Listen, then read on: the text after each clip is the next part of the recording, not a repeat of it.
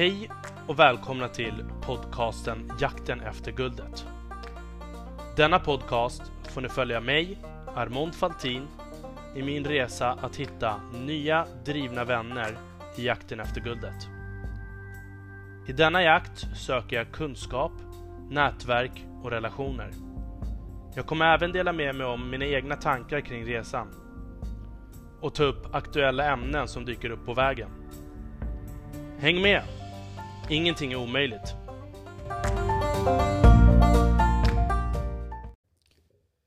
Hej och välkomna allihopa till ännu ett avsnitt av Jakten efter guldet. Med mig idag har jag en väldigt speciell gäst. Han driver Sweater Business Media och eh, jag har följt honom ett bra tag och det ska bli väldigt intressant att få ha ett samtal med honom här idag. Hej och välkommen Brian van der Brink. Hur står det till? Tjenare, tack så mycket. Det är bra, det är bra. Jag älskar den här tiden på året. Eh, värmen börjar komma, ljuset kommer, solen kommer. Så att allt är betydligt enklare eh, idag. Sen, eh, om vi pratade om här innan, att som alla andra så påverkas man såklart av allt som händer kring coronan och osäkerhet framförallt. När kommer saker igång och vad kommer hända då och så vidare. Och så vidare. Mm. Men ah, vi kommer in på det sen säkert. Mm. Jag tänkte så här, innan vi börjar djupdyka i vem, eller innan vi börjar djupdyka i våra frågor som vi vill prata om, kan du berätta lite, vem är Brian van der Brink? Um, ehm, jo, men jag är... Uh, ja, vem, vem, är man? komplex, uh, komplex fråga. Men rent faktamässigt, 39 år, uh, bor här i Stockholm, uppvuxen på Gotland. Född i Zambia i södra Afrika. Många brukar alltid... Gambia, va? Så bara, nej, Zambia med Z. Eh, flyttade till Gotland när jag var fem år, så att 85 eh, så landade vi en eh, härlig stor familj mitt på Gotland. och sen blev det det. Men eh, ja, efter skolan pluggat, eh, varit i Örebro, varit i London, Amsterdam. sport kille skulle man väl säga när jag växte upp. Hockey, fotboll, innebandy och sånt där. Um, och sen egentligen när jag började plugga på universitet så, så släppte jag allting så, som hade med organiserad sport att göra. Utan det egen träning och um, ja, lite fotboll på lägre nivå. Um, och, så. och sen eh, när jag började jobba sen efter universitetet så hittade jag in i träningsbranschen som har blivit mitt hem någonstans sedan 2009 någonting. Jag har mm. jobbat eh, på olika sätt inom, inom träningsbranschen. Utbildad PT, gruppträningsinstruktör, så jag har jobbat som det i, i olika omgångar. Um, har drivit eget också, jobbat med föreläsningar. Um, och sen sista åren, tre, fyra åren, så startade jag då Sweater Business Media. Det gjorde jag 2017 skulle jag tro.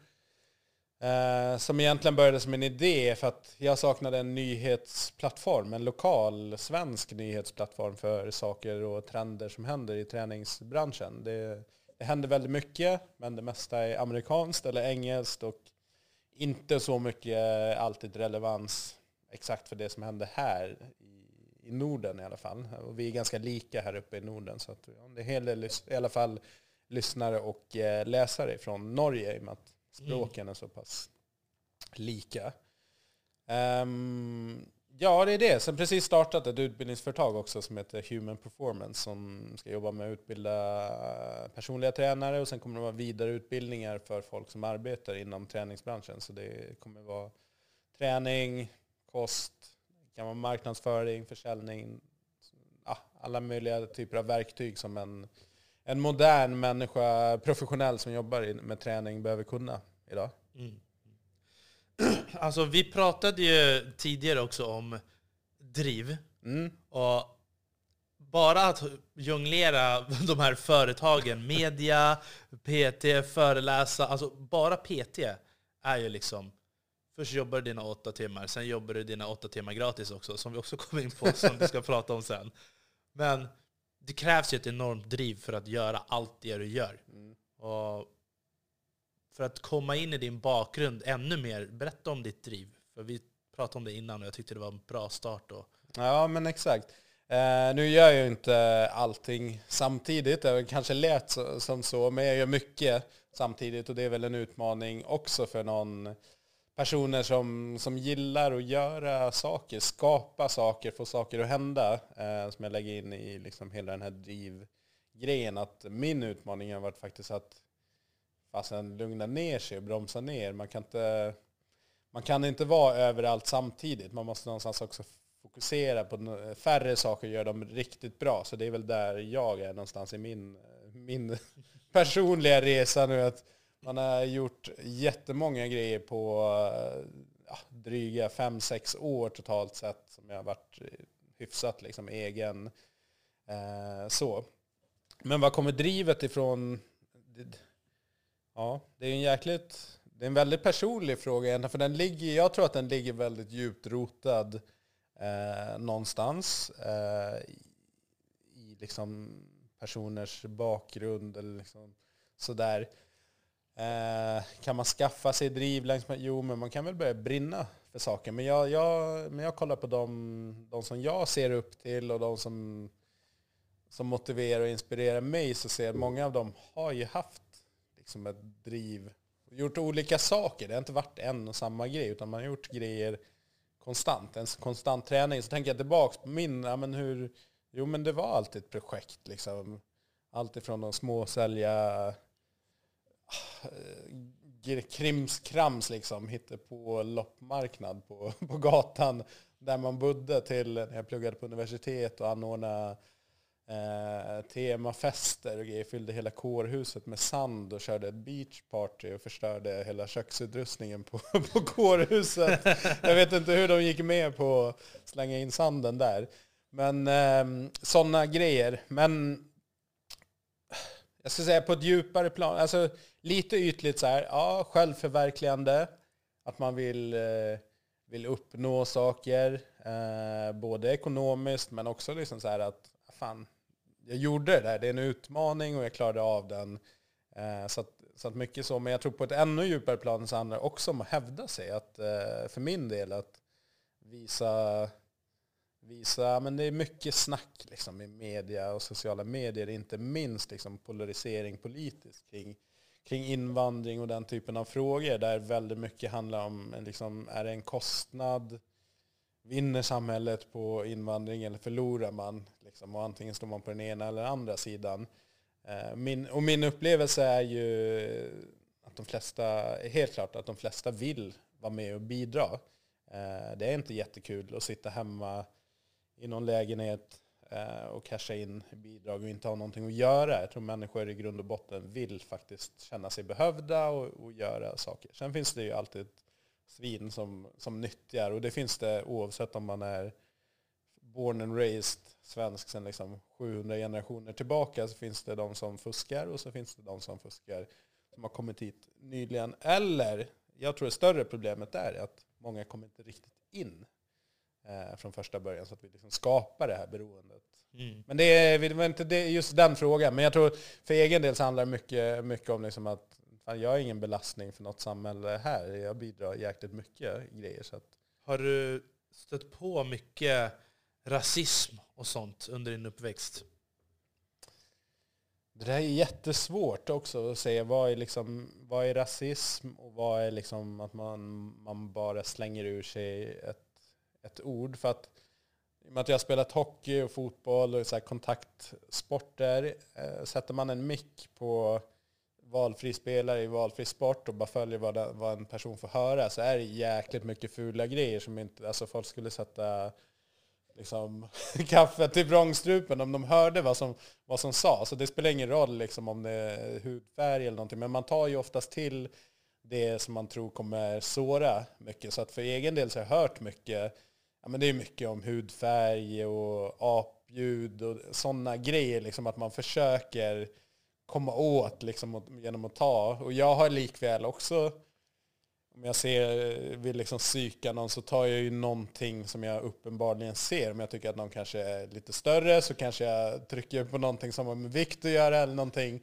Så att så här, vad är rasism och, och vad är liksom det? Men, men helt klart så när jag tänker tillbaka på uppväxten så framförallt kan jag tänka så här att i många situationer så kanske man har blivit bedömd hårdare eh, för att man varit invandrare än vad mina kompisar har blivit som kanske har gjort samma grej om man liksom har varit ute på något bus eller gjort någonting så blir det ändå mitt namn som blir det som får bära hundhuvudet, liksom illustrera den här ja, galenskapen som man har hittat på just mm. där och då. Um, så det är ganska svårt att ta på och säga att, och, det, och, vi var ju inne på det här precis innan vi, vi drog igång och så att drar man upp det här rasistkortet och liksom börjar diskutera det så blir det, och jag hatar ju också det uttrycket, dra upp rasistkortet. Men tar man upp rasism och diskuterar det så blir det lätt att, ja men då är det någon offerkofta, för man ska ju bara vara glad att man är här, man har fått möjligheten till utbildning. Jag är jättetacksam, men jag tror att jag bjudit tillbaka många, många gånger mer än vad jag någonsin har fått, inom citattecken här, mm. tillbaks av, eh, av staten. Så. Ja, men vet, jag tänkte på flera saker när vi pratar om det här. Dels tror jag att det kan ha varit en jäkla massa annorlunda för dig eftersom du var uppvuxen på Gotland. Mm. Uh, för där finns inte lika mycket. Och sen så tänker jag också så här, för mig har det varit att ja, men jag är mörkhyad. Folk förväntar sig att du ska kunna springa snabbt, hoppa, dansa, sjunga, oh, yes. allt. Och, och det är också någonting positivt. Mm. Som också har, I mig har det gett mig en drivkraft. Folk förväntar sig att jag ska vara bättre. Samtidigt som man kan känna rasism från vissa håll.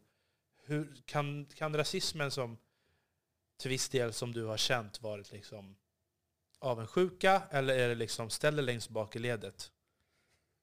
Ja, men det är intressant. Eh, det är båda delar. Det är, det är dels eh, ja, absolut avundsjuka. Jag var, eh, men jag var duktig inom hockeyn framförallt. Eh, så att det är klart att man, eh, man kände på där liksom att man, man fick skit ibland för liksom, man bara, men vad är problemet liksom? Jag var duktig, men det var, liksom inte, det var inte rätt person som var duktig. Eh, så kan jag känna. Sen de här positiva liksom, attributen som man förkopplar då, man kopplar till, till en viss hudfärg eller en, liksom någon från Asien. De får ju ofta kanske liksom smartness och hjärna och, och men kanske inte så mycket kring det fysiska medan är man mörkhyad och svart från Afrika eller Västindien eller någonting, då får du ju direkt så här, ja, men det är atletiskt, det är starkt, det är förmodligen rytmen i blodet, alltså sådana grejer. Och det kan ju vara, det är ju rätt, jag tyckte det var jobbigt för min del, jag var liksom inte den danspersonen. Liksom. Men så fort det var någon sån dansgrej, så bara, men det här kan ju du, det här är ju superenkelt. Nej men jag kan inte era jäkla pardanser, här, jag har ingen aning om vad det här är för någonting. Och det är ju ingenting som, och så här, jag var i arv och var i miljö. Jag är ju inte uppväxt i Zambia. Jag var fem år när vi flyttade, så jag är ju uppväxt i Sverige. När jag är i Zambia, då, då är jag offside. Alltså rent så här, hur beter man sig? Ah. Eh, sådär, så de tycker ju att jag är svensk europe. så att man är alltid lite den udda fågeln. Men, men det har också varit en, en drivkraft också, som jag sa, att fan bevisa också att fan, nej men jag kan det här lika, lika bra som, som någon annan. Varför skulle inte jag kunna? Liksom, absolut, verkligen inte så här offerkoftat. Bara för att kommer hit som invandrare så ska jag ha det svårt och liksom det ska vara tufft och sådär. Det är tufft för alla oavsett var man kommer ifrån. Mm. Ja, nej, jag håller helt med. Men eh, ni är ju ett gäng gotlänningar som eh, har stack ifrån Gotland. Och jag brukar alltid säga de som åker är alltid någonting speciellt. För det, ni, ni är sökande människor. Mm. Vad var det som fick dig att lämna Gotland? Nej, jag kände alltid att det var, det var för litet. Eh, det är en sån här klyscha som folk som kommer från mindre eller mellanstora städer liksom behöver bryta upp med sitt med sin där Liksom. Man har liksom utvidgat så mycket man kan där lokalt. Men eh, Gotland är fantastiskt eh, fint och det är grymt på alla sätt. Och jag har ju två barn, en dotter på fem år och sen en fem månader. Så det är klart man tänker så här familjemässigt så är det ju inget snack. Men sen har man ju allt, jobb, karriär och, och sånt där som inte jag är beredd att ge upp för att bo där. Liksom. Sen kanske det kommer ändras längre fram, men nej, jag kände att det var dags att gå. Det blir ju lätt också, det blir mycket snack i små orter. Eh, Gotland 60 000 pers ungefär, 30 000 ungefär i Visby, så att det är liksom ingen, man vet ju alla liksom ansikten och namn på alla som går som är tre år yngre och tre år äldre som man går samma liksom, mellanstadie, gymnasie, hög, högstadie. Mm. Liksom man, man har väldigt bra koll på alla vet ungefär vart de bor. alltså det, så här, jag kände mig aldrig bekväm i, i det där. Och, och det är inte alltid eh, en fördel heller, särskilt så här högstadietid, kanske början på gymnasiet. Det är inte alltid en fördel heller att sticka ut. Eh, prata om Gotland, det var ju inte så mycket invandrare heller på den tiden. Det var jag och sen var det ett gäng från Iran, det var ett gäng från Chile och så. Det var ju inte så mycket annat från Mellanöstern och ja, Iran är ju där i och för sig, men andra länder i Mellanöstern och, och andra grupper som har kommit senare på grund av problem i de, de regionerna. Så att, när jag tittar, jag är vän med väldigt många av de som, som, som jag växte upp med, som var invandrare parallellt med mig på, på den tiden. Och många har det gått väldigt bra för, driver egna företag och liksom är drivna personer, vare sig om de driver eget eller om de, de är anställda. Och de kom in i samhället. Det fanns liksom inget alternativ, att det blev ett in, en invandrargrupp som bara hängde för sig själv. Man, man blandades upp, lärde sig språket, lärde sig kulturen, lärde sig hur, hur man beter sig på, på sätt och vis. Så det, där kan jag tycka att vi har misslyckats i Sverige väldigt mycket med att sätta folk i områden där det finns inte en chans att de kommer ut därifrån. Från vissa områden, nej. Nej. nej precis. De, det, det, är, det är jättesvårt. Uh, vissa kan säga, ja men lär dig språket. Ja men vad fan om alla runt omkring dig inte kan språket. Dina föräldrar kan inte språket. Du går i skola med 95% invandrarkids. Alltså, ja, jag vet inte. Alltså, jag kommer ihåg när jag var liten, då hade jag många kompisar som fick översätta till sina föräldrar på kvartssamtalen. Och så kunde de komma till skolan upprörda, arga, påsar under ögonen och kanske ryta till ifrån och om det blir något tjafs eller någonting. Så började läraren skrika. Då är det så här, den här killen betalar räkningarna hemma. Mm. Han kan vara 11 år, han betalar alla räkningar. Han ser att de inte har betalat hyran för de har köpt mat istället. De, han är rädd för att de ska vräkas. Och, och, du vet, hela den här bär på helt andra tyngder. Och som man sen liksom inte frågar, men, hur mår du? Vad är det? Mm. Var kommer det här ifrån? Utan liksom, man förväntas att den här personen har likadant som alla andra hemma. Exakt. Ja, men det är ju fel nummer ett. Och jag upplever mycket på sociala medier också att jag kan inte påstå att jag själv, jag bor ju fasen i ett eh, super Liksom det är väldigt få mörkhyade invandrare. Sen finns det en massa italienare och liksom engelska. Så att jag är också väldigt långt ifrån de här problemområdena där, där det är väldigt hög koncentration av utrikesfödda. Så, tyvärr så blir det ofta att man, folk sitter och pratar om något som man egentligen inte vet. Man är inte där. Um, alltså, vissa personer som uttalar sig tvärsäkert om hur folk är i de här områdena, så bara, men har du ens pratat med någon som bor i, i dem? Har du sutt, bjudit in, tagit en kaffe eller åkt dit liksom och hört dig för? Men då går man liksom på någon slags bild som man har samlat på sig i media och, mm. och ja, men jag hör i alla fall, vi, vi, behöver inte prata så mycket mer om det här, men jag hör att jag tror att det är annorlunda för dig för att du kommer från Gotland och det är, där var du förmodligen ensam. Här i Stockholm eh, har det varit ganska stor blandning. Men att bli upp, vara uppvuxen här är det, det är exakt samma sak som på Gotland. Eh, alla i samma ålder, tre år uppåt och tre år neråt, känner till varandra här också. Uh, jo men så är det, man känner ju till sitt lokala område, liksom mm. närområde. Så att, eh, olika men, eh, ja, samma men olika. Mm. Men jag tänkte så här också, du producerar ju podcast också åt eh, Chefsnack, mm. Svante Randlert. En annan gotlänning. Mm. Är ni uppvuxna tillsammans eller? Ja, eller tillsammans och tillsammans. Jag och Svante blev, vi är alltid, som sagt var, vi är samma årskull, 1980. Eh, han gick på, det var två rivaliserande skolor i Visby. Det var stenhårt. Solbergaskolan och Södervärnsskolan. Jag gick på Södervärn och Svante på Solberga. Eh, och där var det lite mer innerstadskids, det var lite större villa, villafamiljer på Solbergaskolan och Svante Hans pappa är en av de största mäklarna på Gotland. Okej. Eh, så jag, nej, jag vet inte. Jag, jag kände ju inte Svante på det. Jag visste ju vem han var, men jag tyckte inte riktigt om... Alltså, jag- det var inte min, min stil. Sen blev vi kompisar på... Ja, det var nog framåt gymnasietiden liksom, som vi, vi är gemensamma kompisar. Och sen har vi blivit väldigt bra, bra polare. Liksom. Vi kommer från helt olika bakgrund och, och sådär. Men det, man kan ju bli bra kompisar ändå. Men då var det ju väldigt stor skillnad på våra verkligheter. Ja, men berätta lite. Vem var du? Vem var Svante? Det här är jätteroligt att höra. För att jag har ju också haft vänner sådär som man kanske inte var världens bästa vän med. Man kanske var till och med rivaler.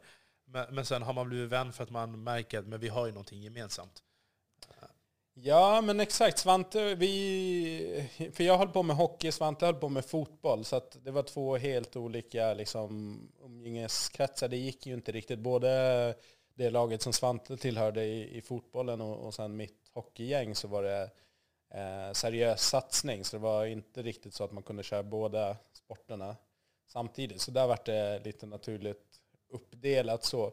Så Ante är en fantastisk, eh, om man tänker så här, klassisk säljarperson som kan smörja vem som helst, snacka väldigt mycket och liksom, som jag tyckte, inställsam. Då, då har de, medan jag är, i alla fall tidigare, nu har jag egen podd, vilket egentligen är märkligt, men jag har ju alltid varit lite mer eh, tillbakadragen, i alla fall i så här grupp, inte den som är direkt framme och liksom utmärker sig eh, och sticker ut. Men Mm. kanske också lite så strategi också, att inte alltid vara den som utmärker sig. Eh, Ja. För det gör man ändå. Mm. Eh, Så nej men vi, nej men vi gemensamma kompisar som, som sagt var och sen, nej men vi går bra ihop liksom. Svante är jävligt vettig och eftertänksam. Det finns en annan sida såklart där när man gymnasiet och uppåt och man är ja, upp mot 30 till och med så var det ju mycket festande och resor och grejer hit och dit. Så att då var det det som förenade en och sen kom man in i ett annat liv som mer jobb, familj och den typen av grejer. Då, då måste det ju finnas någonting annat i, i, i grunden för att bibehålla en, en vänskap. Så att vissa kompisar kanske fallit bort så där i umgänget och andra har man umgåtts mer med. Mm, mm. Nej, men ni båda är ju intresserade av business och sådär. Han av ledarskap och du av... Alltså, jag, jag, jag hörde det senaste avsnittet som du hade med TIK, Mm. heter de va? Tweak. Tweak, Ja. tweak. Anders eh, Gran, vd på Tweak. Mm. Alltså, ni- är, jag, tycker, jag tycker att... Jag har ju länge tänkt på så här, hur för man samman digitaliseringen och eh, träning?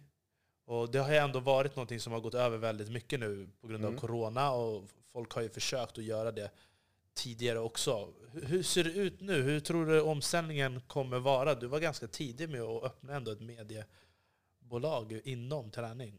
Mm. Exakt. Nej, men träningsbranschen är, eh, den är, den, är, den är fascinerande. Det är väl därför jag har blivit kvar här också. Att det händer ständigt nya saker. Det är liksom ingen, få branscher som är så otroligt trend benägna som träning. Vare sig det handlar om träning som fysisk träning eller liksom kost och dieter och sånt där. Det liksom sveper. Och där är Sverige ett av de, de länderna som det svänger snabbast på. Många marknader, länder så är det inte lika trendkänsligt. Så kommer du ner till södra e- Europa så är det liksom inte så mycket förändringar i vad som är hett. Det ena här i Sverige, Stockholm, New York, London, de typer av ställena så är det liksom nu är det hit, nu är det yoga, nu är det bar, nu är det här.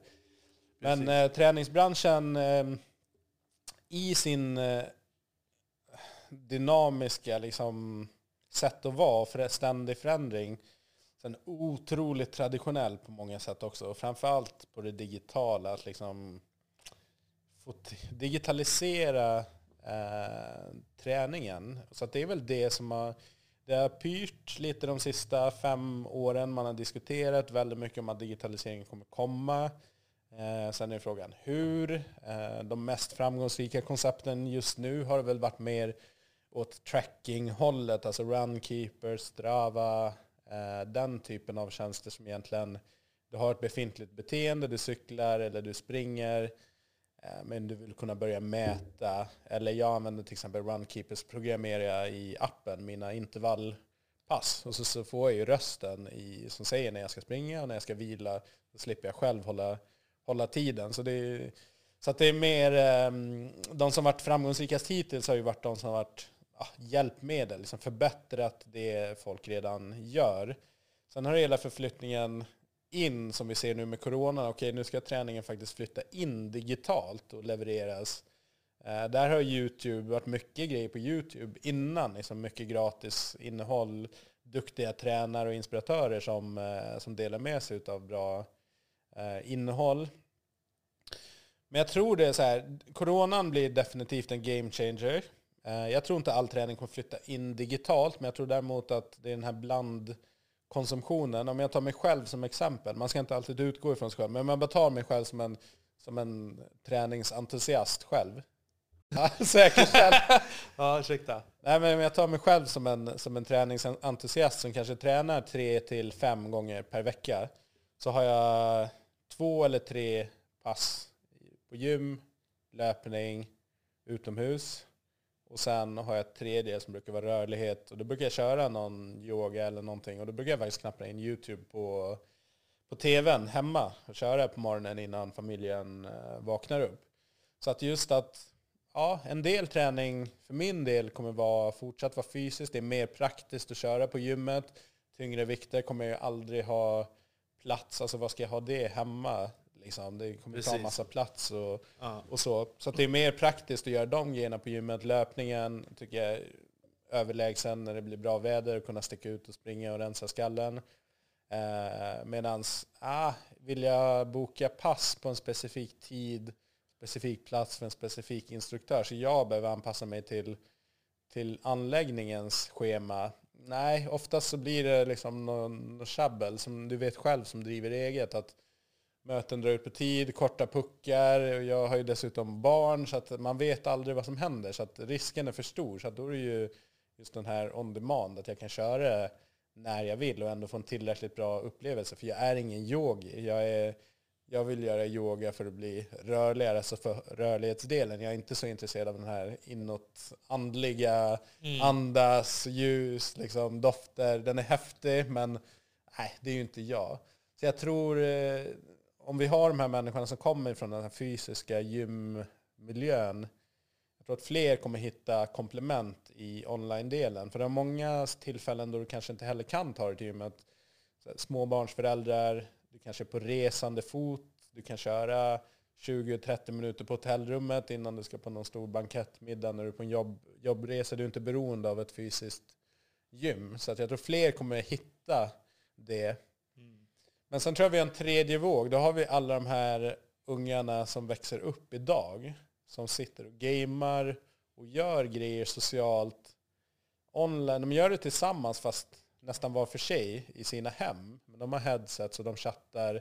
De gör ju någonting tillsammans fast på ett annat sätt. För oss som har växt upp med en mer fysisk, att där är att, att ses, att ses fysiskt. Medan de yngre som växer upp, att ses för dem behöver ju absolut inte vara fysiskt. Eh, det kan likväl vara online. Mm. Ehm, så att för dem, vad, vad träning och gruppträning är, tror jag kommer vara något helt annat. För dem kanske det är 100% naturligt att jag gör majoriteten av mina pass via en app eh, och streamar upp på min, min tv hemma eller liksom kör via telefonen mm. direkt. Så att lite olika, beroende på målgrupp, vad man är växt, växt upp med så, så betyder digitalisering lite olika. Ja. Tror du det kan vara också en extra knuff för de som vill träna men inte vågar gå till gymmet? För det finns ju också den målgruppen. Och sen så behöver du ha en PT för att liksom se till att du tränar. Ja, nej men absolut. Det, jag tror att digitaliseringen kommer göra så att fler kommer hitta, hitta till träning. Sen jag tror också, vad är träning? Liksom? Är, gå ut en promenad 20 minuter eller köra 15 minuter i Headspace-appen, liksom 15 minuter meditation, det är en annan typ av träning. Jag tror definitionen av träning har varit ganska snäv. Liksom att fysisk aktivitet, svettig och liksom du ska känna efteråt eh, att, att du har gjort någonting. Mm. Eh, att, ja, träning på olika sätt. Jag menar, det finns ju spel som är jäkligt fysiska. Du spelar hemma men du ska dansa eller du ska göra olika moves, du ska hoppa. Jag menar, det kan ju vara, men den personen som kör det, det är barnet, ungdomen, tänker ju att den gör en, en, annan aktivitet egentligen. Det är ett spel för den, men om man tittar på det ur mitt perspektiv, ur fysiskt perspektiv, så är det bara skitbra träningspass liksom, som de kör i 45 minuter. Precis. Så jag tror världarna kanske möts så att det inte blir så polariserat. Men du är inne på en väldigt bra grej där, att träningsbranschen, eh, alla som är, jobbar och är i den det är världens bästa bransch tycker man såklart. Och det, är den, det finns ju bara positiva grejer med den nästan. Men den kan för väldigt många vara väldigt exkluderande. Att det är en liten klubb för de som, som kan och för de som, som vet hur det går till. Jag menar bara så här, vad ska du ha för kläder på sig? Hur ska man bete sig? Vart, vart ligger omklädningsrummet? Det finns så många barriärer för folk som inte är i, i branschen och som inte har tränat på en träningsanläggning undrar över och liksom är oroliga för. Liksom, jag hör ju inte helt sällan ja, men jag måste ju bara träna först innan jag kan bli medlem där så att jag är i bra form när jag kommer in på gymmet. Ja, men, hallå, det är på gymmet du ska komma i form och ingen kommer bry sig. Jag lovar, ingen kommer bry sig när du ingen är där. Tittar. För alla kör sitt. Eh, sen visst, kommer du med en helt galen outfit så kanske folk kommer titta, men, ja, men, men det vet man ju inte. Så att, jag tror att där har träningsbranschen jättemycket att göra med att jobba. Man pratar väldigt mycket till de som redan kan och de som redan är frälsta, men man är generellt sett väldigt dålig på att sänka tröskeln, få in folk. Första steget kanske ska vara utomhusklasser eller bara en fika på något café, neutralt ställe med någon rådgivare eller vad det nu skulle kunna vara för någonting. Mm. Men alltså, jag tänker så här också, träning i Sverige, det, det, det är ändå... Nästan alla känner någon som har jobbat på Sats. Alltså alla gör ju typ det. Uh, men precis som du säger, det är ju flera olika steg innan man kommer in på den här träningsnivån. Och sen ni som ska hjälpa de här människorna har ju också extremt dåliga avtal. Som vi också pratade om tidigare. Mm. Ja, Nej. tog du dig på mattan eller? Var det en fråga? Nej, det tog mig inte på mattan. Den kom rakt in på, på ämnet. Nej, men vi, vi pratade ju här innan om eh, coronakrisen. Du och jag pratade om det och eh, just att ja, men det blir ett väldigt speciellt läge för för den som inte känner till hur en personlig tränare generellt sett är avlönad så är det ju ett provision, rent provisionsyrke. Så att säljer du ett 10-pack PT-timmar och levererar dem, alltså, så får du betalt när du har, när du har kört kunden. Så att, kör du inga kunder, har du inga betalande kunder så får du inte heller betalt. Och hela upplägget bygger ju på att du som tränare tar dina timmar på golvet. Om du blir nyanställd så behöver du ju ta dina timmar på golvet. Eh, ragga kunder, kanske ringa på ringlister. Vissa Sats till exempel och många andra har ju infört sig in, introduktions-PT-timmar så att eh, kunder, nya medlemmar kanske har en eller två PT-tillfällen. Så det är ett sätt för en, för en PT att bygga upp sin kundbas. Men det är mycket eh, gratisjobb slash marknadsföringsjobb innan eh, man kan försörja sig som en, som en tränare. Och den startsträckan, vissa PTs kommer ju som igång första månaden, vissa kanske behöver sex månader på sig. Så det är många som trillar bort, får inte ihop ekonomin. Eh, kanske. Man hinner inte bygga upp sin kundbas tillräckligt mycket innan man har eh, tillräcklig ekonomi i det så att man kan betala sina räkningar. Mm. Men sen var det ju också, uh, jag berättade ju att jag, hade, jag har, min tvillingsyrra var ju PT mm. på Balance, det här var många år sedan. Uh, och hon sa att hon kunde arbeta, vi säger att hon, hon arbetar sju timmar uh, med klienter efter jobbet så var det liksom sju timmar till som är gratis. Ja, nej och det där är en, ut, en utmaning för branschen men det blir mest ett problem för, för PTn. Eh, för att du får betalt för en levererad PT-timme, alltså den faktiska träningen. Nu vet jag inte, det kan vara vissa som har en viss admin-tid betald, men generellt sett så har du ju inte betalt. Så att, säg att du har eh, sex klienter på en dag. Så det ska du planera deras pass. Eh, för en duktig och seriös tränare ska ju programmera egentligen individuella program. Eh, sen kanske en del kör samma program på alla kunderna. Eh, då är det inte så mycket personlig träning kan jag tycka. Men, men det, det är risken eh, som vissa kanske hamnar i. Eh, så att du har sex klienter, säg att du behöver lägga är du en duktig och snabb PT och rutinerad så kanske du löser det på en timma, en och en halv. Men jag skulle säga sannolikt så behöver du den planeringen kanske ta två timmar.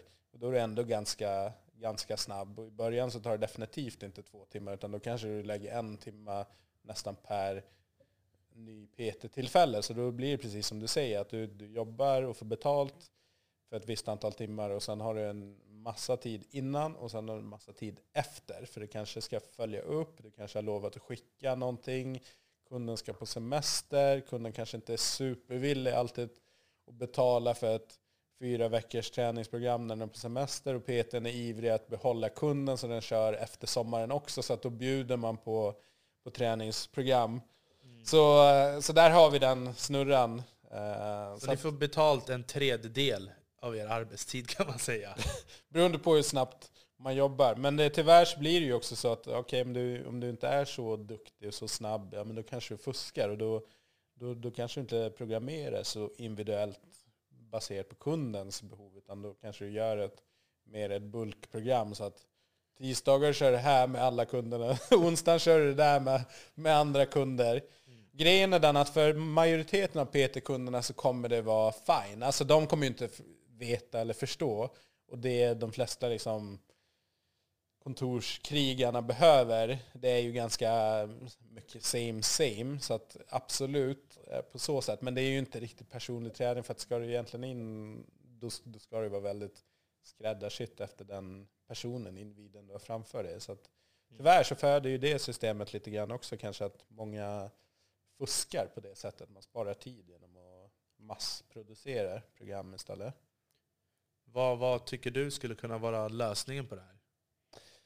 Um, alltså, lösning nummer ett, träningsbranschen behöver lära sig att ta betalt. Um, det där är alltid en intressant... Jag har jobbat som bartender i, i många år. Ytterligare en, en grej som jag har gjort i min, min tidigare liv. Ja, nice, berätta. Men, nej, men det är också ett sånt där popyrke. Så när man... Eh, när jag var, skulle sluta gymnasiet Eh, så då skulle alla, den här tv-serien, jag vet inte om du kollade på en, en, en, en dokusåpa som heter Baren. Mm. Eh, så att efter det, så liksom alla skulle jobba som bartenders. Så jag och en polare åkte till Göteborg och utbildades på Göteborgs bartenderskola och sen hade jag det. Riktigt bra extra, extra jobb och vissa perioder, typ sommaren och så, så jobbade jag ju heltid med det. Men när jag pluggade så, så jobbade jag varannan lördag eller någonting sånt där, ibland mer. Vad pluggar du för någonting? Eh, ekonomi, magisterexamen i ekonomi. Ah, nice.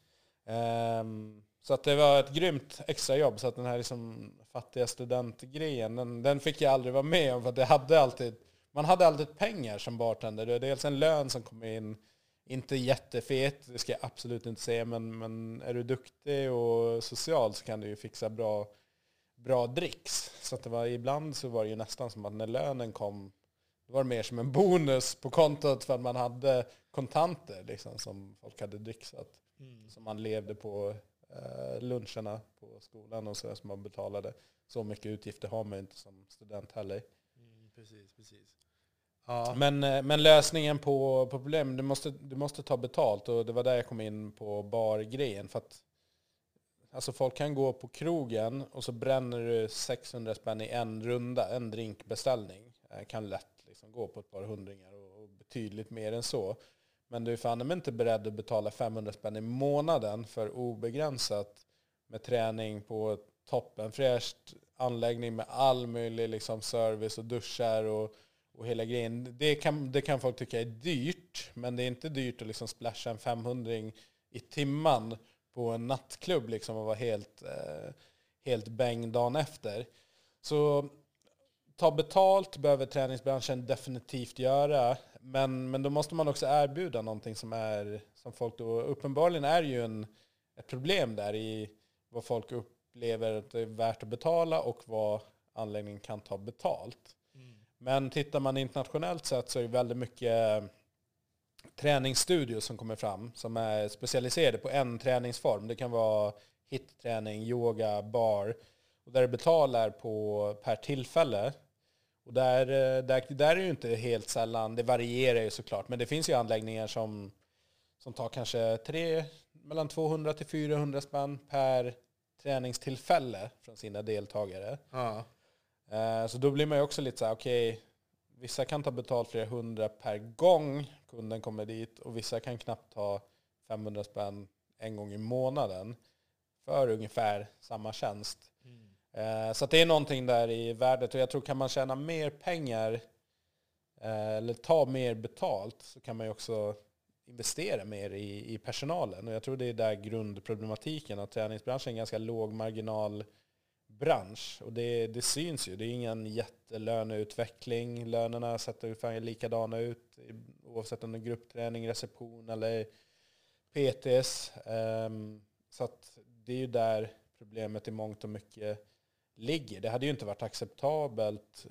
Jag har ju haft många kontorsjobb liksom. Mm. skulle min chef säga att du, allting som du gör nu efter klockan två, det, det, kan inte du, det får inte du lön för. Utan du får betalt för sex timmar, men två timmar här på slutet, det är, det är admin. Det måste du bjuda på. Ja. Om du vill vara kvar. det är en absurd tanke. Man hade ju dragit på en gång. Men i träningsbranschen så är liksom det någonstans standard. Mm. Och apropå de här träningsstudierna internationellt, eh, London, New York, den typen av städer, mm. Amsterdam också, Paris. Så det är mycket högre löner. Instruktörerna är produkten någonstans. Man bygger upp eh, instruktörerna. Det är instruktörerna via sina sociala medier som egentligen driver väldigt mycket av försäljningen. Men de har också betalt därefter. Så att då kanske du tjänar som instruktör 1000 spänn till 3000 spänn per pass. Och vissa proffstränare då som kör 3-4 pass per dag, jag menar, då har du en ganska bra tillvaro. Så fyra gruppträningspass och sen är din arbetsdag potentiellt slut. Men de här gör ju oftast andra grejer. De är influencers och tjänar pengar ah, på ah. annat också. Eh, så det är, det är någonting med affärsmodellen där som är... Mm. Men det här, som du sa också, att man måste verkligen jobba på sitt personliga varumärke och bygga sitt varumärke för att få in kunder. Är det någonting som man utbildar alla i och liksom stöttar varandra eller Nej. är det egen bevåg som ni behöver? Det är helt eget bevåg. Där. Man ser ju det. Många, de som är duktiga, som lyckas bygga upp sitt, sin profil sitt varumärke, framförallt via sociala medier, för det är ju där man kan synas till många och liksom ofta till en låg, eh, låg kostnad. De, de som lyckas kombinera det, liksom en profession med att vara duktiga i sociala medier och bygga, de tjänar ju väldigt bra med pengar, liksom har inga problem med kunder. Men det är ingen utbildning som du får sådär per, per default. Och sen är det också en skill, liksom att mm, du kan få hjälp med att liksom vad ska din eh, profil vara i sociala medier, vad ska du ta för typ av bilder, vad ska du ha för typ av innehåll. Men sen, sen, sen kommer det ju, det blir lite av ett hantverk att du, ska, du som person måste lägga det, the final touch och vara intresserad av det. Jag kan uppleva att folk försöker kopiera andras eh, upplägg eh, och så ser man det i några veckor, sen tröttnar de och sen helt plötsligt kommer de här gamla tråkiga bilderna på någon tråkig sallad eller någonting. De sitter så här, så helt oinspirerande inlägg. För att det tar ju tid och man behöver tänka igenom vad är det för någonting som ska vad är det för någonting som ska porträtteras och, och, varför vill jag att just det här, vad är syftet med det? Och då vet man också vad man inte ska posta i sina kanaler för att hålla ett varumärke. Men eh, det är ju också bland annat därför som jag och Erik har kört igång Human Performance. Att det behövs lite andra typer av utbildningar och skills eh, för att bli framgångsrik framåt. Eh, och som tränare så kan du ju redan nu, men jag tror ännu mer i framtiden jobba mycket mer globalt. Alltså, du kan ju sälja online-träning eh, via bra digitala tjänster där man inte behöver träffa kunderna. Så att är du duktig på marknadsföring så har du helt plötsligt, istället för kunderna på det här gymmet så har du helt plötsligt potentiellt sett hur många människor som helst eh, ute på nätet som är ute efter hjälp. Ja, precis, precis. Kan du berätta lite om Human Performance då? Ja, det är ju start, startgroparna. Eh, vi, ja, men hemsida eh, hperformance.se om man vill in och kika lite på vad vi, vilka vi är vad vi erbjuder för någonting. Men det är grundutbildning till personlig tränare. Sen är det olika vidareutbildningar inom, inom dels träning, eh, det kommer komma kost och sen har vi en del som är men vi har en som heter Online Training Specialist som är just att okay, hur ska du sälja din fysiska PT-tjänster, hur säljer du dem digitalt? Så det handlar mycket om varumärket, ditt koncept, vad är det för, vad är det för koncept du ska säga? Är det bootcamp, är det viktminskning, är det eh, komma, komma igång program? Allt sånt där som Många, många som lyckas, tror jag, så här, de, de har testat sig fram. Um, och lyckas. Så att du, och då kan man, ja, antingen kan du prova dig fram eller så kan du gå en utbildning. Vi gör det här tillsammans med Tweak förresten, Anders Gran som jag nämnde. Mm. Och de har ju mycket know-how kring hur du ska jobba och vad som funkar eh, online och vad som inte funkar. Och human performance jobb. Från vår sida, i, det, i just den utbildningen så jobbar vi mycket med sociala medier och liksom ditt personliga varumärke och hur du, hur du bygger mycket kring innehållsmarknadsföring. Ja. Nej, jag tycker det låter helt, helt fantastiskt. Jag, jag har ju tänkt ganska... Uh, Linus Carlén och de här Denise, hans tjej, Denise mm. Moberg och Anna Stålnacke som äger det här gymmet. Gymmet, va? Ja, gymmet, gymmet. Ja, yes. De har ju verkligen arbetat tillsammans. Mm. Dels Linus tog in Nocco, så alla är sponsrade. Och så, så byggde ju alla sina personliga varumärken tillsammans kan man ju säga. Det var en jäkligt smart idé och nu är alla hur stora som helst. Och ja men de är superduktiga. Linus var ju med i Sweater Business-podden när vi pratade om, Precis. Just, om honom och, och Nocco och sen som du nämner Anna Stålnacke och Denise Moberg, alla de här, de är ju stora um, ja, vissa av dem är ju numera globala influencers också som har mycket internationella följare, skulle jag tro.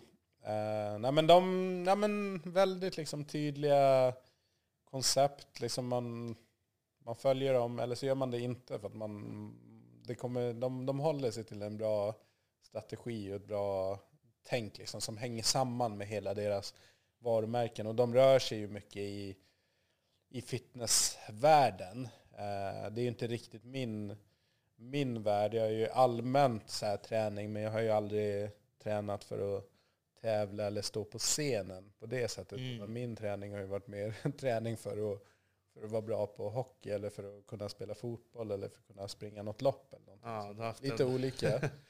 Men det ena utesluter inte det andra. Men de gör det jättebra i sitt och liksom, ja, i Sverige bland de bästa liksom, exemplen på personer som har byggt sina varumärken. Ja. Jag tänkte också så här, uh, vänta en sekund. Jag måste alltid börja om den ibland så att inte filerna blir för stora. Mm -hmm. ja, ja. Men eh, jag tänkte så här, hur ser det ut egentligen med tjejer och killar nu? För nu växer ju alltså, tjejernas träningskonton mycket större än männens. Ja. Och sen också den här flörtdelen. Mm. Ja, hur ser det ut tjejer och killar? Nej, men det, jag skulle säga så att det är uh, It's a woman's world, uh, det digitala helt klart så dominerar ju tjejer och det spelar egentligen ingen roll om det är, um, om det är träningsbranschen eller om det är mod, ja, mode kanske generellt sett är mer tjejer. Men, men oavsett så brukar ju tjejer gå bättre, få fler följare. Uh, och alltså grejen sociala medier är mycket estetik och mycket känsla, kunna uttrycka sig på ett personligt sätt killar generellt sett är det är inte det naturliga liksom att ta en snygg selfie och lägga upp eller liksom fixa till en bild så att den blir shiny liksom. då kanske det blir problem med polarna liksom.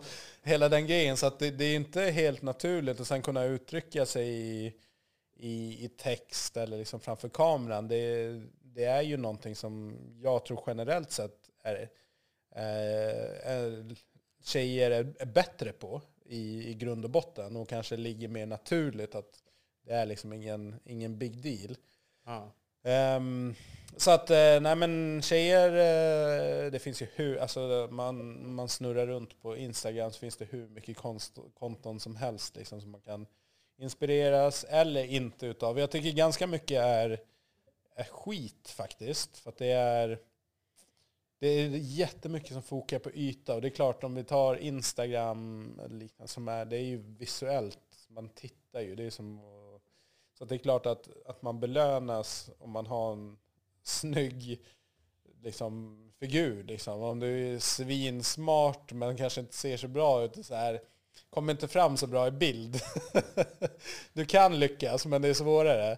Eh, så att du blir ju belönad definitivt på utseende och det verkar ju finnas någon slags korrelation mellan ju mer naket och ju mer rumpa desto mer liksom följare. Sen är ju frågan vilka är de följarna? Men det är ju en, det är en helt annan fråga. Men jag kan ju tycka, apropå att det är skit då, vad är det som jag tycker är skit? Jag tycker att mycket, mycket är ljug. Alltså man vet att eh, många, de porträtterar det som hälsa. Men liksom man, om man vet hur det funkar, så här, att vara tävlingsdeffad i princip så att du ska gå på en, en fitnesstävling. Mm. Eh, eller att det ska fotas för en fitnesstidning. Alltså de personerna har tränat och liksom dietat i kanske tre, fyra månader.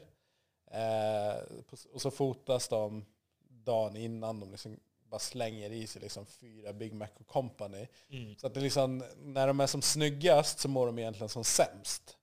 Eh, och då blir det så här, och det är den bilden som man gärna visar upp i sociala medier när man är som bäst. För att man lägger ju inte upp Dels lägger man ju inte upp så mycket när man är ledsen eller liksom de här dåliga dagarna. Då skiter man ju ofta generellt sett i att lägga upp saker. Men det blir också en bild av att man alltid är fit och att man alltid, ja men så här, så här äter jag, så här, men nej men du äter inte så varje dag. Det finns inte en chans att du äter ja. den där tråkiga maten exakt varje dag. Jag vet det, för jag känner många fitnessprofiler och det finns väldigt många som har, skulle jag säga rakt av, ätstörningar. Och så liksom det här med fyra Big Mac Company dagen efter en tävling, det är inget skämt. Utan det är verkligen så här, de går och bara tok-cravar och så trycker man i sig. Så här, men det är, det är precis som med sport, att toppidrott är inte hälsa. Och fitness på liksom elitnivå, det är inte heller hälsa. Det är en tävling och mm. många tjänar pengar på det. Men att porträttera det som att ja, men det här är min livsstil och jag äter så här och jag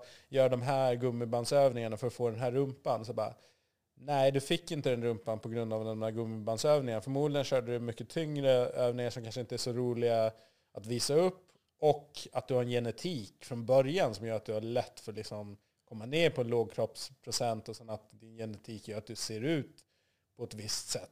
Mm. Eh, men, och sen luras liksom med kameravinklar och kläder som håller upp och pressar samman och hela den här grejen. Så det är väldigt mycket fake och det är det jag menar med, med skit. Samtidigt så förstår jag att man, fan det är inte så jävla kul att läsa heller om, eller lyssna eller läsa en grå och trist vardag. Så någonstans är ju Instagram och vissa sociala medier, det är ju mer en, en dröm, en tillflykt. Man går in och kollar. Men jag förstår ju också att psykisk ohälsa liksom bara accelererar. Särskilt från yngre som kanske inte kan sortera ut och förstå att ah, det där kanske inte är helt sant. Liksom. Men, där man tror ja, men, ja, men så här tränar den här personen. Gör jag den här övningen hundra gånger om dagen så kommer jag få liksom, världens bästa rumpa. Ja, det där tycker jag också. Jag, alltså, jag håller helt med. Alltså, hur, det blir ju en hets till ätstörningar och hur det här veganismen som är så himla trendigt. Och, att de säger att de är lika starka. Det är samma sak där. Jag, nu så ser inte jag så himla tränad ut. Men jag, hade, jag har liksom tränat hela mitt liv. Jag det tappade nu de två, tre senaste åren av... Eh, alltså det här är ändå ganska roligt. så jag kan berätta. Nej, men alltså, eftersom jag alltid har tränat väldigt hårt. Jag, jag brukade springa tre kilometer som uppvärmning på tid. Mm. Då sprang jag på ungefär 14 minuter. Sen så tränade jag högintensivt och efter träningen så cyklade jag en mil också. Det var runt 17-18 minuter. Så att sen, sen när jag startade mitt företag, då kom det vissa eh, till, tillfällen i livet när man var tvungen att spara på maten. Och eftersom jag alltid har sett allting som träning, då kunde jag köra så här. Ja, nu har jag kinesiskt idag och sen nästa dag har jag italienskt. Och då var det antingen ris med salt eller spaghetti med salt. Okej. och Shit. det förstörde ju hela min kropp, men jag såg det bara som en här, utmaning. Ja. Och sen tappade jag allting och jag var så inne i min veva uh, vad det gällde företaget så att jag liksom kände ingenting. Och nu har jag tappat träningen. Men det vad jag ville säga är, det är ju inte... Man vet ju att du måste äta bra om du på riktigt ska kunna träna bra. Och Mm. Hur sant är den här vego... jag, alltså, nej men det är, det är som allt annat tror jag i sociala medier. Det blir tillspetsat för att man blir, det blir läger. Att, ja men man ska vara vegan och man kan, gorillor äter inget kött och de är hur starka som helst. Mm. Men människan är ingen gorilla till att börja med. Vi är ganska lika men, men så att de här liknelserna och så. Jag tror så här att alltså människan, det finns en anledning till att vi har klarat oss så länge och att vi kan leva där det är is, vi kan leva där det är svinvarmt, vi kan leva där det finns väldigt lite mat, där det finns mycket mat. Så att vi, människan är grymt anpassningsbar. Så att liksom är jag, alltså min take på det här det är att sluta polarisera. Att det är så här man ska äta, det är så här, det här är det bästa. Alltså det är ju ingen som vet, det finns ingen som kan bevisa någonting. Har du fått skitbra resultat med vegansk kost, du känner dig pigg, du känner att du inte får uppblåst mage, kör på det. Någon annan kanske känner att den klarar sig jättebra och liksom tar den bort kött eller vad det nu är för någonting så, så får den ingen kraft, ingen power. Ja men käka då kött liksom. Du kanske inte, men det är alltid så här, gör ingenting till överdrift. Det är tyvärr så här lagom, lagom mycket funkar. Och veganism och, och så, det handlar ju mycket, det blir ju också så polariserat, eller politiserat menar jag.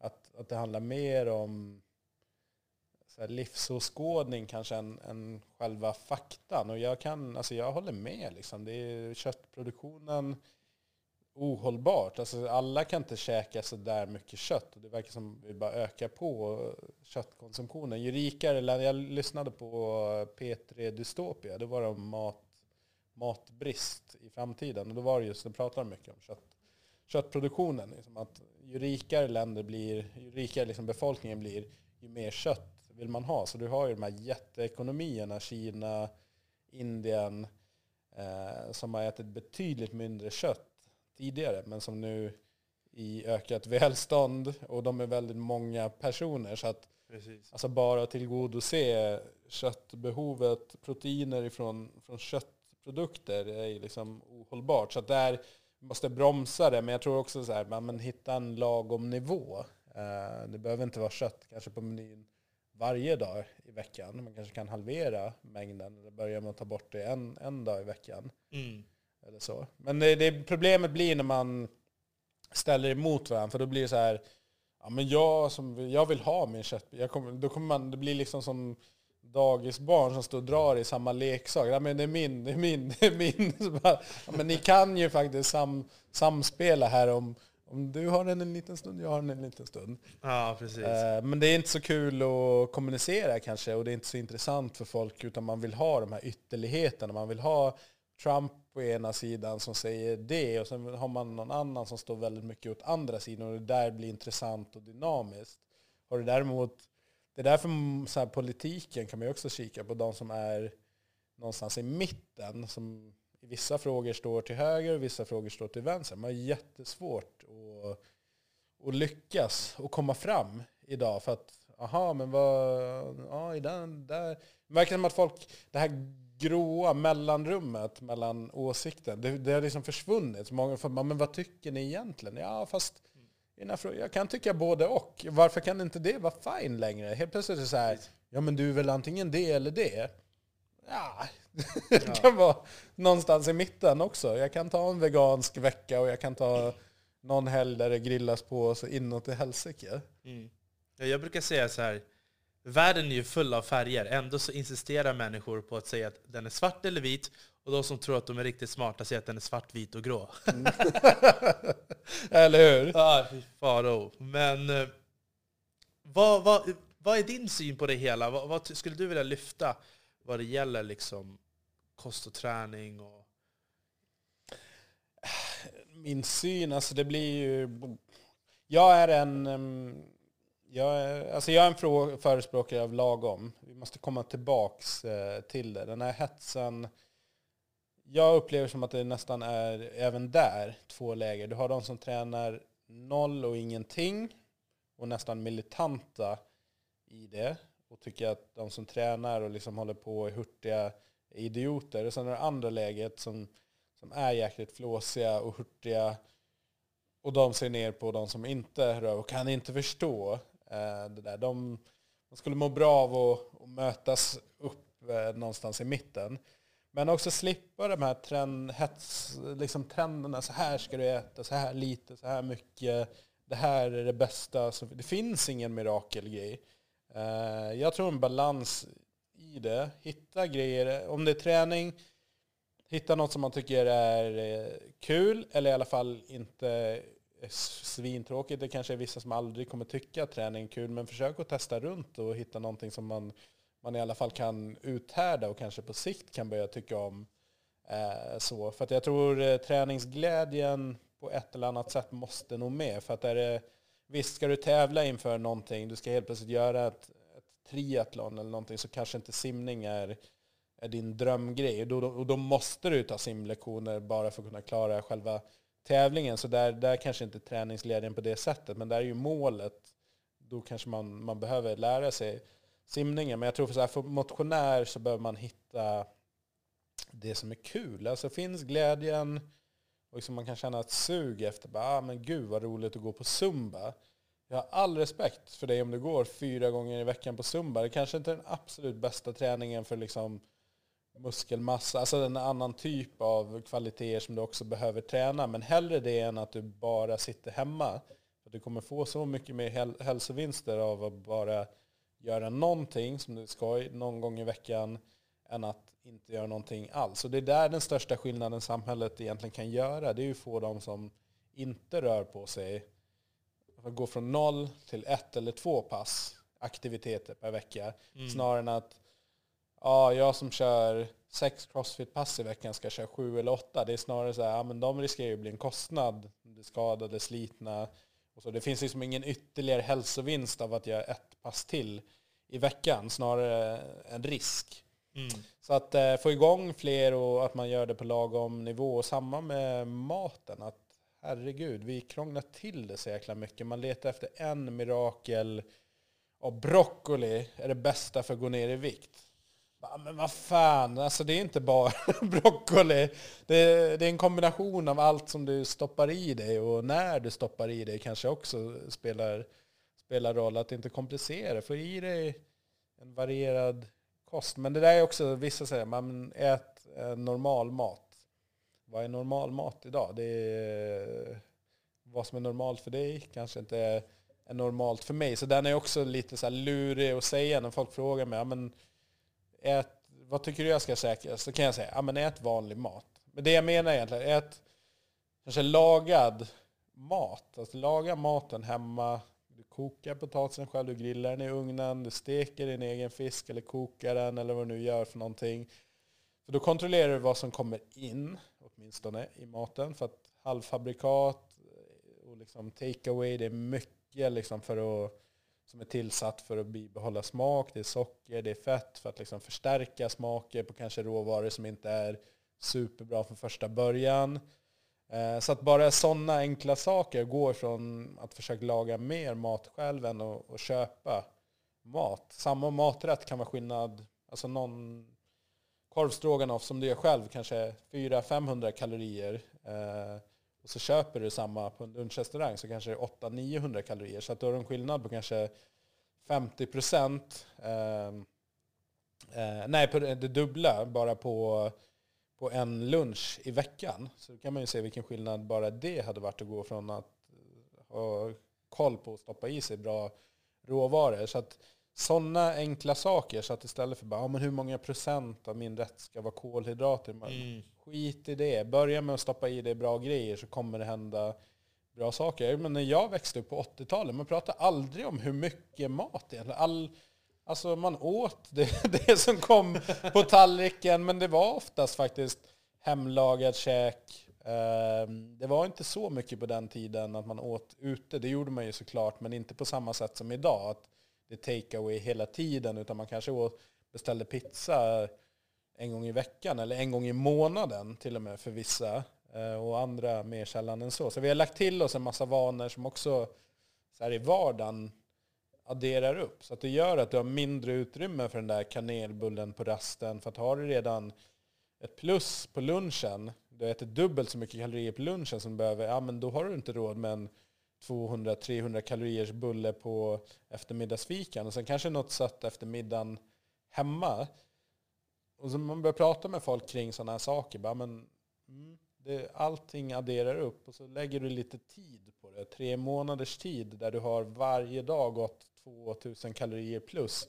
Vad tror du händer på vågen? Jo, Mm. den kommer sticka iväg efter ett tag. Det händer inte på en sekund och det kommer inte försvinna på en sekund. Ja.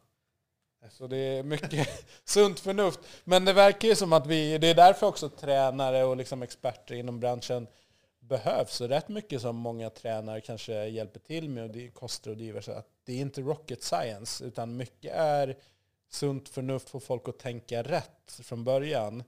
Eh, så att det är nästan ibland som man bara, fan behöver du någon som betalar för att säga att du behöver sova mer? Du ska lägga dig lite tidigare och inte gå upp så jäkla tidigt på morgonen. Försök att sova liksom 7 till åtta timmar för att få till det istället för att liksom stressa sig igenom fyra timmar komprimerad sömn och sen upp direkt och skriva på datorn eller mejla eller gå iväg och köra ett skittufft pass direkt på morgonen. Mm. Så att i mångt och mycket, de flesta kunderna, så är det verkligen bara så här, få in dem i bra vardagliga rutiner.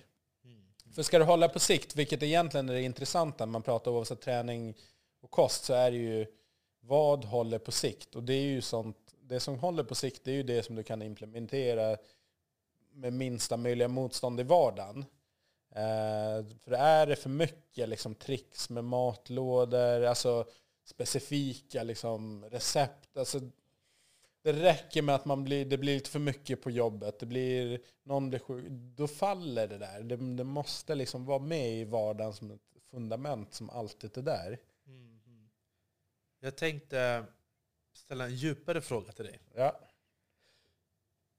Vad är ditt guld? Har du någon dröm som du inte har berättat för någon? ja, men någon så här, nej men en riktig dröm som du kanske, jag vet inte om, om du tror så här, ja men det här kan jag uppnå. Eller om, om det är liksom, ja men det här vill jag uppnå men inte har sagt det till någon. Alltså grejen är den så här, mål, mål sätter jag upp och det dyker ju upp liksom grejer hela tiden som man antingen eh, agerar på eller, eller inte. Som, och vissa grejer har jag gjort och vissa grejer kanske ligger sådär. Så det blir lite flummigt. Men jag tror så här,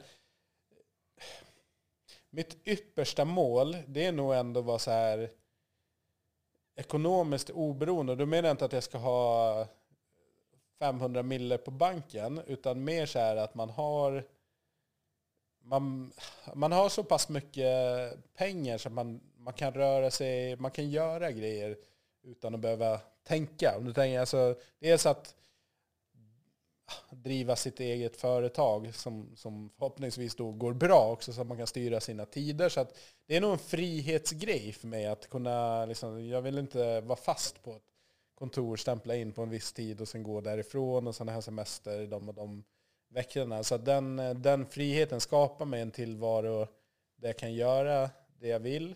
Eh, och resa, käka gott. Eh, det vore jävligt nice att äga något hus eller lägenhet i något soligt, varmt ställe som man kan spendera eh, stor del av året på. Ja. Det är nog guldet, är nog den friheten och ja, kunna dra härifrån på vintern. Sen har jag ju barn som kommer gå i skola och sådär så det, självklart så kommer det vara begränsat ändå. Men ja, och barnen måste gå i skolan här i Sverige då, eller? måste och måste. Men jag vet inte. Jag tror Sverige, Sverige är bra. Sen jag gillar det. Alltså hela vår, våren, sommaren och fram till kanske oktober någonstans så är det ju guld eh, här. Sen, jag är ju svensk liksom, så att man vill ju ändå att barnen ska få någon slags svensk uppväxt och liksom förankring i kulturen och liksom sättet här. Men jag kommer uppmuntra dem till att resa och liksom se sig om och göra, göra saker som faller dem in. Det finns för mycket att göra. Det finns för mycket att upptäcka för att bara liksom jag kan ibland fundera så här på folk som är, de kör sitt jobb, de är här, de åker knappt utomlands och liksom, men är jäkligt tillfreds. Så jag kan vara lite avundsjuk på, vad fan kan inte jag vara nöjd liksom? Men jag är ju inte nöjd. Jag vill upptäcka och, och göra saker och prova på eh, grejer. Så att det är väl som man är, olika som, som person helt enkelt.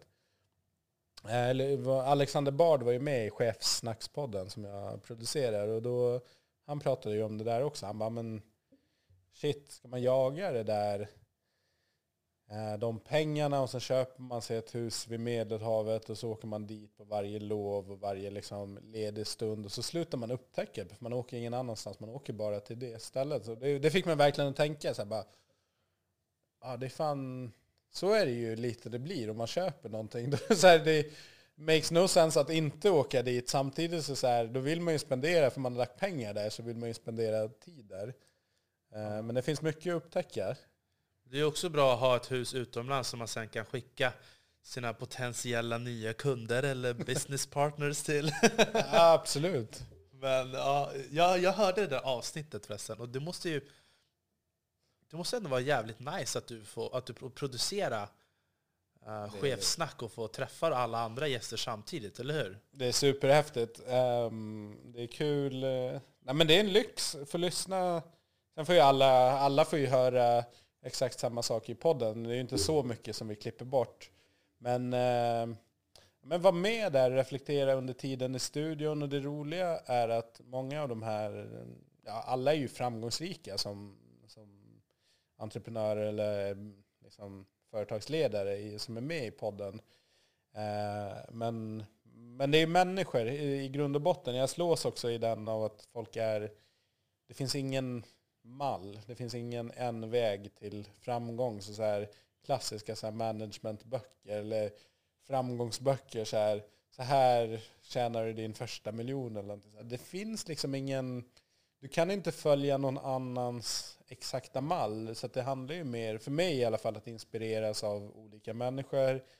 Plocka till sig saker som, som man kan applicera på sig själv. Och så bara, ah, men fan, den där rutinen kan jag ta till mig. Eller fan det där som den personen sa, det var verkligen någonting som fick mig att tänka till. Och så finns det väldigt mycket som är så här, nah, det är inte någonting som, som inspirerar eller får mig att, att gå igång. Och det finns ingen så här en person som är som är eh, liksom bäst på allt. Alla har Ja. sina fel och brister. Men, men det är intressant, efter varje poddavsnitt så sitter vi ofta med gästerna och pratar. Det spelar ingen roll om det är Petter Stordalen eller någon som kanske inte är lika känd. Alla vill ha feedback på det som sades i avsnittet. Och i och med att jag är den som har suttit och lyssnat så blir det ofta, ja, men vill bolla, bolla grejer liksom. Och liksom, ja men hur kom det där fram? Och, och sådär. Så att, ja, men det är roligt att, att träffa de här personerna och lyssna liksom. Det blir en, en liten föreläsning som man är med på.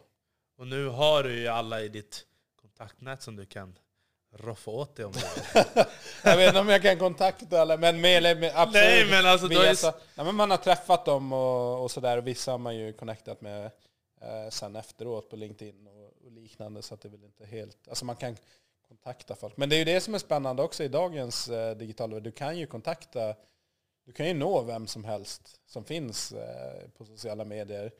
Och där, det var ju så vi kom i kontakt. Du skickade på, på LinkedIn eh, och, och sådär. Och jag tycker det är jäkligt bra. Men många, jag vet inte, du får säkert många kontaktförfrågningar också. Jag får också en hel del, ett par per dag. Ehm, men många är ganska dåliga på, när man tar kontakt, bara skickar en kontaktförfrågan utan någon kommentar eller någonting. Mm. Så här, så här, ibland så visst, man kan ju ta någon och bara följa den personen så.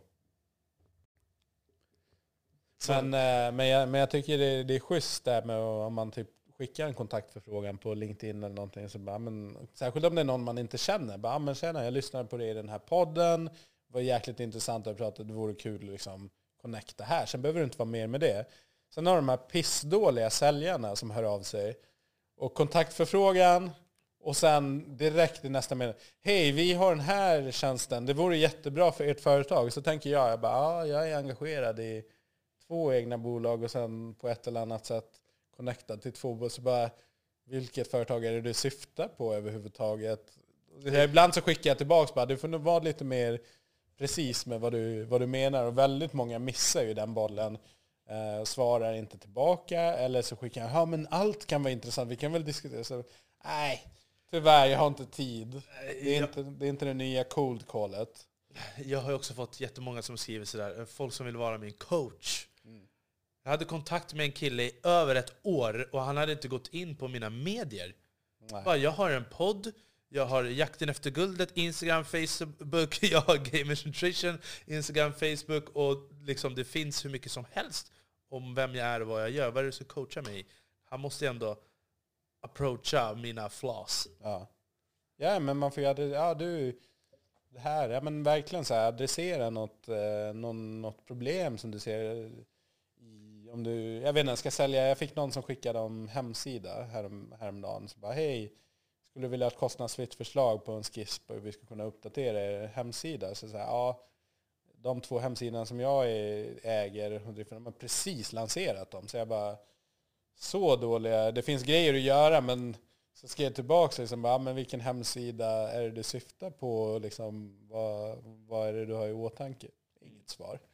Liksom, bara skickar ut så här massmeddelanden. Så här bara, ja, alla har väl en hemsida. Ja, men vad fan, gör din research. Och så här, du, jag såg på er hemsida eh, och jag märkte att ja, er sökbarhet verkar inte vara så bra. Jag ska kunna jobba med er SEO eller jag ska kunna göra det här. Ja, då är det intressant. Då har du ju gjort lite jobb. Men att Mm. bara höra av sig, hej, jag vill sälja. Bara, nej. Tyvärr. Ja, Jag nej, brukar återkoppla till vissa, bara, "Ah, jag tycker det var en kass pitch liksom. Sorry. Jag tycker att det är bra när man bara connectar personligt. Alltså skit i allt. Alltså jag, jag vet inte om min approach är bra, men jag skriver alltid bara typ... Jag skriver ju smile-gubbar och allting. Och jag tror att det får folk, okej men han är hur slapp som helst, okej också vara slapp. Jag vet inte. Hur kände du att approachen var?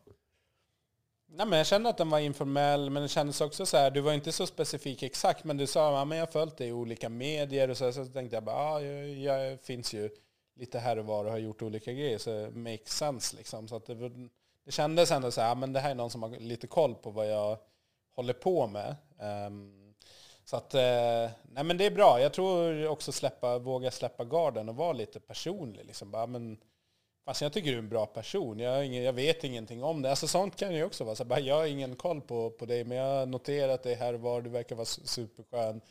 Let's connect liksom. Behöver inte vara mer med det. Mm. Och man minns också de här små introna också. Jag hade en duktig tjej förra veckan också som jobbar som praktikant på, på ett företag. Eh, hade också lite så liknande approach som du Vad hade. heter hon då? Nej, jag kommer inte ihåg nu bara för det namnet. Men, uh, ja, men hon hade så också så här, bara skrev någon rad liksom varför hon ville connecta. Och, och. Ja, men det räcker. Om man Mm. kommer ihåg, ja just det, det var den personen som skrev det. Och så kommer man också ihåg de som skriver som är en dålig approach. Så då hamnar man ju, alltså så att det gäller ju, fan det är så enkla grejer också. Mm. Jag tänkte så här, äh, nu börjar podden gå mot sitt slut. Mm. Um, har du några sista ord som du skulle vilja meddela våra lyssnare? Sista ord? Nej men, ja, jag vet inte riktigt. eh, Alltid svårt, så här pompöst eh, avslut. Ja. Nej men jag tror så här, våga, jag tror att folk skulle våga, generellt sett våga, fan gör det som du känner för, det som du drömmer om och det som liksom bankar lite extra. Att man våga agera lite grann på de, de känslorna. Jag tror att väldigt många sitter och gör grejer. Man tänker att man borde, ja det skulle vara så kul att liksom driva det där konditoriet. Eller det skulle vara så kul att ha den här budfirman. Vad är det som hindrar dig? Vi bor i ett av de absolut bästa länderna för att kunna våga testa och kunna krascha med ett ganska bra säkerhetsnät. Liksom. Det, det värsta som händer är att du får typ gå tillbaka till att söka ett nytt jobb. Liksom. Mm. Så att det, nej men det är min, min take på det, att fan, våga. Ja, det är kul, för jag får, i och med att man, det har du säkert också, att om man är driftig och gör mycket grejer och syns och hörs så är det många som hör av sig. Men det är roligt, många hör av sig med idéer. Och så säger man att ja, men det här borde du göra. Så tänker jag, ja men du kom ju med idén, du borde göra Varför, varför puttar du över den? Om det är en så bra idé, varför ska jag göra den? Då kan väl du göra den?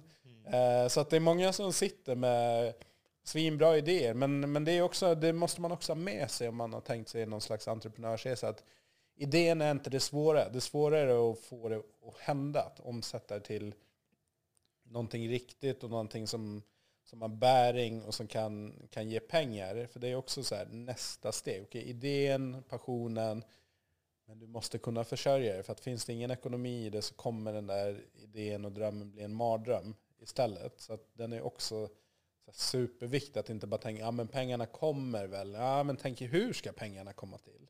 Mm. Så att konkretisera den, hur ska, du, hur ska du tjäna pengar på det, det du gör? Men också fan våga lite mer också. Mm. Var kan man hitta dig om någon vill komma i eh. kontakt med dig? Ja men eh, sociala medier eh, finns på LinkedIn under mitt namn, Brian Vandenbrink. Eh, jag finns på Instagram, Brian VDB, som mina initialer. Och eh, Facebook också, men Facebook är jag. Jag är mer där och tar del. Jag är inte så aktiv på Facebook. Men Instagram eller LinkedIn händer det väl mest om man vill liksom följa grejer som jag publicerar och lägger upp. Mm. Mm.